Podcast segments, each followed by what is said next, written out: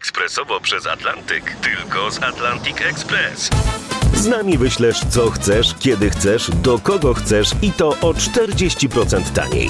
W Atlantic Express wysyłamy wszystko, co chcesz. 1 800 775 7363. Mienie przesiedleńcze, kontenery, paczki do Europy. Atlantic Express to 30 lat doświadczenia i o 40% niższe ceny na wysyłki kontenerów, samochodów i paczek. Ekspresowo przez Atlantyk tylko z Atlantic Express.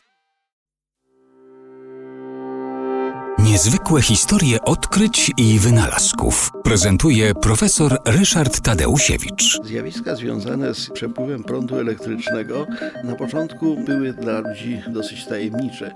Tego prądu nie można było bezpośrednio obserwować, bez tego nie wiedziano, jakie są jego przyczyny, nie wiedziano, jakie są skutki, nie wiedziano, e, od czego zależy to, jak prąd przepływa.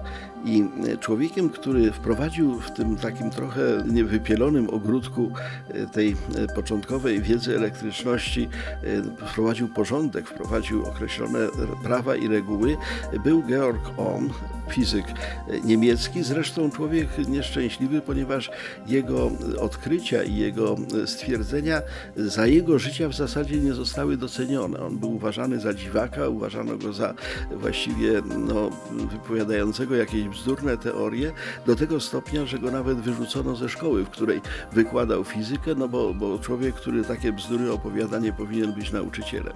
Ale y, to właśnie Georg Ohm miał rację i w 1827 roku powiązał przyczyny ze skutkami. Y, stwierdził, że na to, żeby przepłynął gdzieś prąd elektryczny, potrzebne jest wytworzenie napięcia. Można je wytworzyć w bardzo różny sposób, za pomocą baterii, za pomocą prądnicy, za pomocą jakiegoś generatora. No a y, tym, co powoduje, że ten prąd jest większy albo mniejszy, to jest opór, y, który stawia przewód podłączony, przewód czy obwód podłączony do tego źródła napięcia. I wobec tego y, prawo OMA, które obecnie jest fundamentem elektrotechniki, wiązało te rzeczy, to znaczy przyczyny w postaci napięcia, uwarunkowania w postaci oporu i skutków w postaci natężenia elektrycznego prądu. A sam Georg Ohm, który jak mówię przez współczesnych sobie był niedoceniony, a nawet e, w pewnym sensie prześladowany za to, że e, zajmował się tak dziwnymi rzeczami, jest w tej chwili uwieczniony, dlatego że opór elektryczny mierzymy właśnie w ohmach.